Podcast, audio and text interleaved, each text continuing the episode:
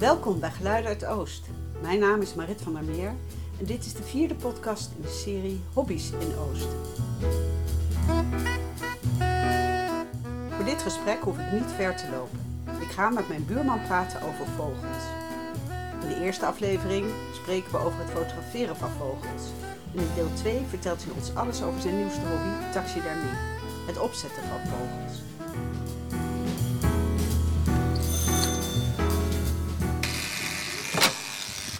Hi. Mij kom je voor een verkorte vogelkeur. Ja, absoluut, ja. Ehm, we gaan naar boven. Ja. We zitten hier in een lekkere, koele keuken, want het is warm vandaag. Heel warm, een beetje onweerachtig. Het is grappig altijd om in een ruimte te zitten die je zelf ook hebt, maar dan Ja. een huis verderop. En net een beetje anders. Precies. Hetzelfde uitzicht, maar Ja. net onder een andere Ja, hoek. precies, ja. Ehm, nou, vertel even wie je bent en, en eh, wat je werk is. En dus even... Oké, ik ben Ton Dub en eh, ik ben tandarts. Ik werk aan huis. En eh, als hobby fotografeer ik vogels en kijkvogels. En tot sinds een, een anderhalf jaar doe ik ook een taxidermie. Dus ik zet ze op.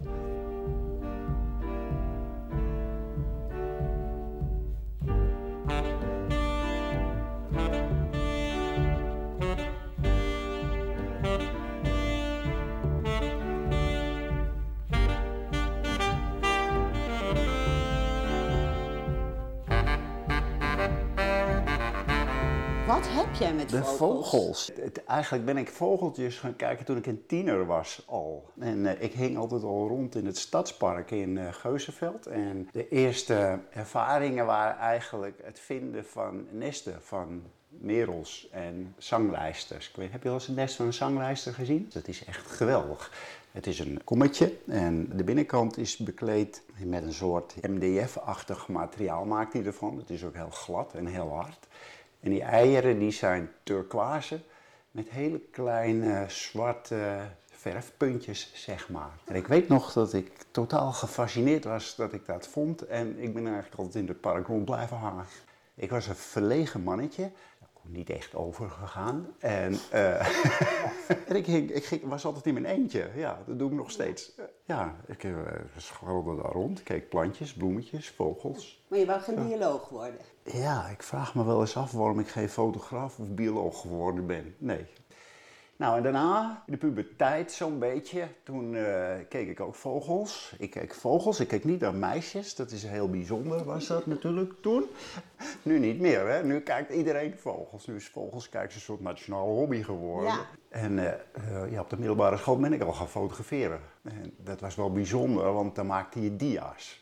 In mijn krantenwijk heb ik de allergoedkoopste spiegelreflexcamera gekocht die er was. Een Zenit. Je moest alles met de hand instellen en lichtmeten met een eh, aparte lichtmeter. En eh, toen verhuisde ik eigenlijk van het park naar de opspuitvelden tussen Amsterdam, Sloterdijk en Halfweg.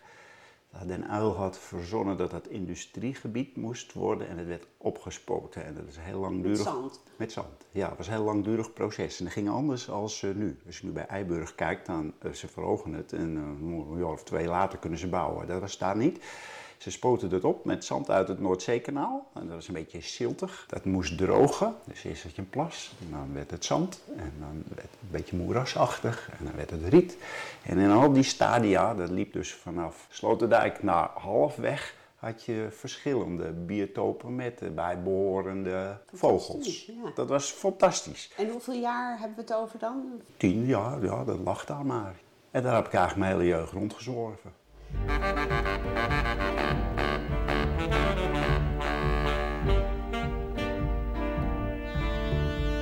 Bent eigenlijk direct gaan fotograferen, dus vogels kijken en fotograferen. Ik ben niet een vogelaar, ik ben een vogelfotograaf. Ik ben Ja. wat begonnen als vogelaar. Dat is wel handig, want wat je nu ziet is dat mensen gaan fotograferen. Die kopen een telelens, ze weten niks van vogels. Die verstieren de hele boel. Ze een nest vinden, dan leggen ze het open en ze gaan het fotograferen. En vervolgens komt die ekster die er een boom verder zit te kijken en die eet het nest leeg. En, en mensen snappen vaak niet waar vogels broeden. Een beetje kennis van zaken is wel handig. Ja.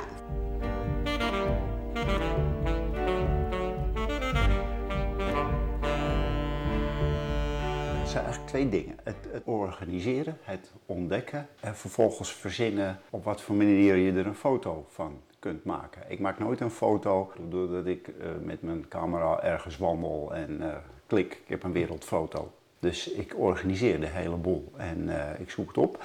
En als ik dan een goede plek vind, dan, dan zet ik of een teentje neer of ik bouw een hutje. Maar ga je dan met hout op je fiets daarheen? Of? Nee, doorgaans snoei ik gewoon de plaatselijke wilgen. Zat eruit snijden. Nee. Nou, daar de wilgen best blij mee zijn. En niet, precies, er is ook niks mis mee. Dus ik, ik snoei de plaatselijke wilgen en daar maak ik een, een kubus van, van uh, een meter bij een meter bij een meter.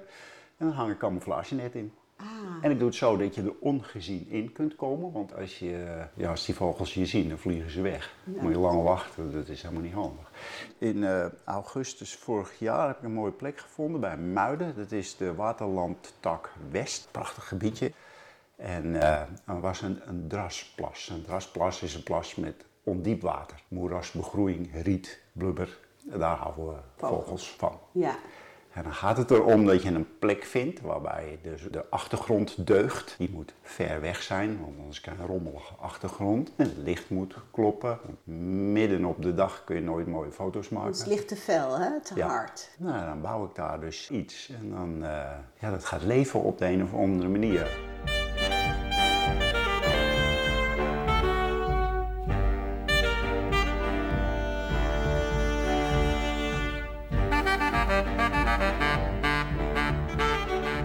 Orchestreer je dit ook wel eens? Ik bedoel, grijp ja, jij in? Ik, ja, ik maak het hele decor. Eigenlijk photoshop ik vooraf. Deze bijvoorbeeld was de plek waar de teltlopertjes gingen staan, was op een stukje wat net droog viel. Maar het lag op de verkeerde plek. Het lag en te ver weg en de achtergrond deugde niet, stond net een, uh, een hoogspanningsmast. En wat ik dan doe, ja, dan ga ik op een avond er naartoe met de schep. Ik schep het verkeerde eiland weg en ik maak een nieuw eiland op de plaats waar ik het wil hebben. Oh, Juist.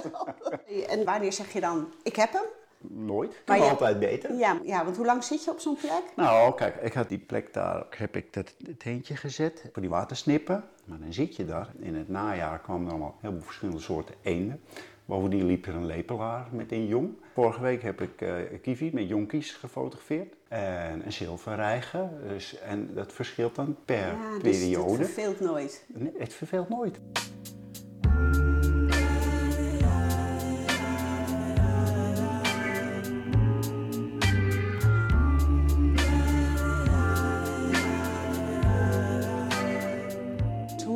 Qua vogels? Eh, ja, goed. Nou ja, de grap is, ik, ik hou wel eens lezingen voor vogelfotografen. En, eh, en die snappen nooit dat Amsterdam een goede plek is. Maar ik snap het omgekeerde niet. Nee. Als je op de Veluwe zit, heb je namelijk alleen maar bos. En wij hebben hier, Alles. wij hebben hier alles. Ja. Parken zijn altijd goed. En in de stad zijn vogels ook rustiger. Buiten de stad, in de provincie, wordt toch vaak gejaagd. Dus eenden in de stad zijn veel gemakkelijker te fotograferen als buiten de stad. Nou, en dan hebben we natuurlijk de Nieuwe Ooster.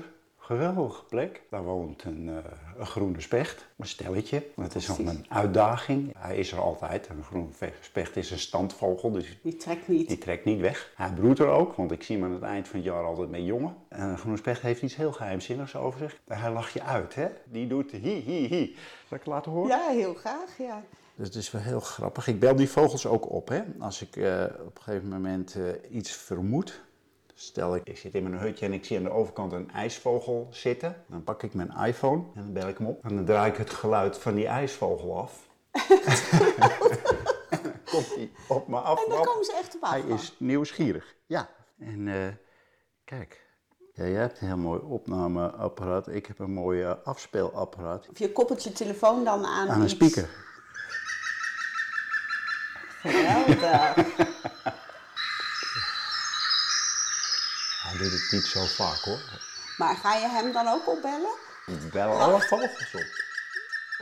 Je, hebt wel eens mensen die fluiten dan een vogel Ja, na. Dan denk ja, ik, ja, ja, dat ja, leuk dat je dat kan. Maar het heeft dus echt zin. Ja, dat komen heeft echt zin. geluid af. Ja, zeker. Ja, ja, ja. Sommige vogels komen meteen op je af. En eh, ook afhankelijk van de tijd van het jaar natuurlijk. Hè. Als het bro- broedseizoen is en net, in de baltstijd en je draait het geluid van een mannetje, dan oh, ik een beetje oneerlijk, want die ziet jou als een ander mannetje wat die weg wil jagen. Dus die komt wordt op je af. Maar zoals nu, dan nou, het hoogtepunt van het broedseizoen is nu voorbij. Maar dan zijn ze nog wel nieuwsgierig. Je kunt ze dus wel prikkelen.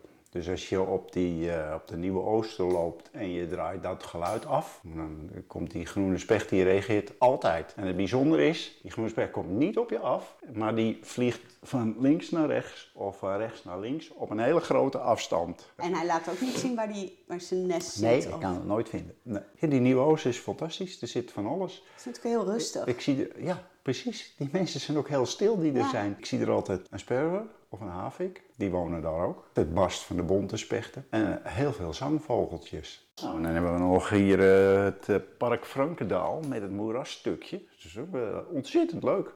Ik vind het heel bijzonder als je kijkt naar dat, piepkleine stukje moeras daar in Frankendaal. Als het een biotoop er is, komen altijd de juiste vogels erin.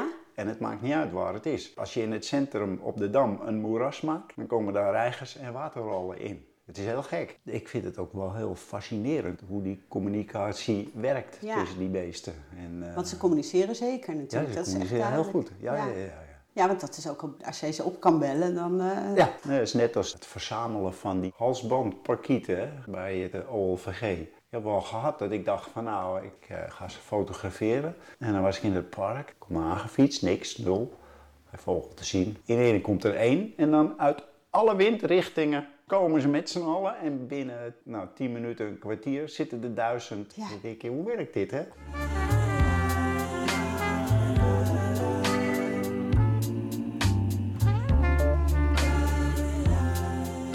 Nog zo'n bucketlist, vroeg ik me af. Van, eh, ik heb die nog niet. Of... Je hebt vogelaars en die reizen de hele wereld rond om alle soorten te zien. Maar eigenlijk interesseert me dat niet zo heel erg. Ja, ik raak wel opgewonden als ik een mooie vogel zie hoor.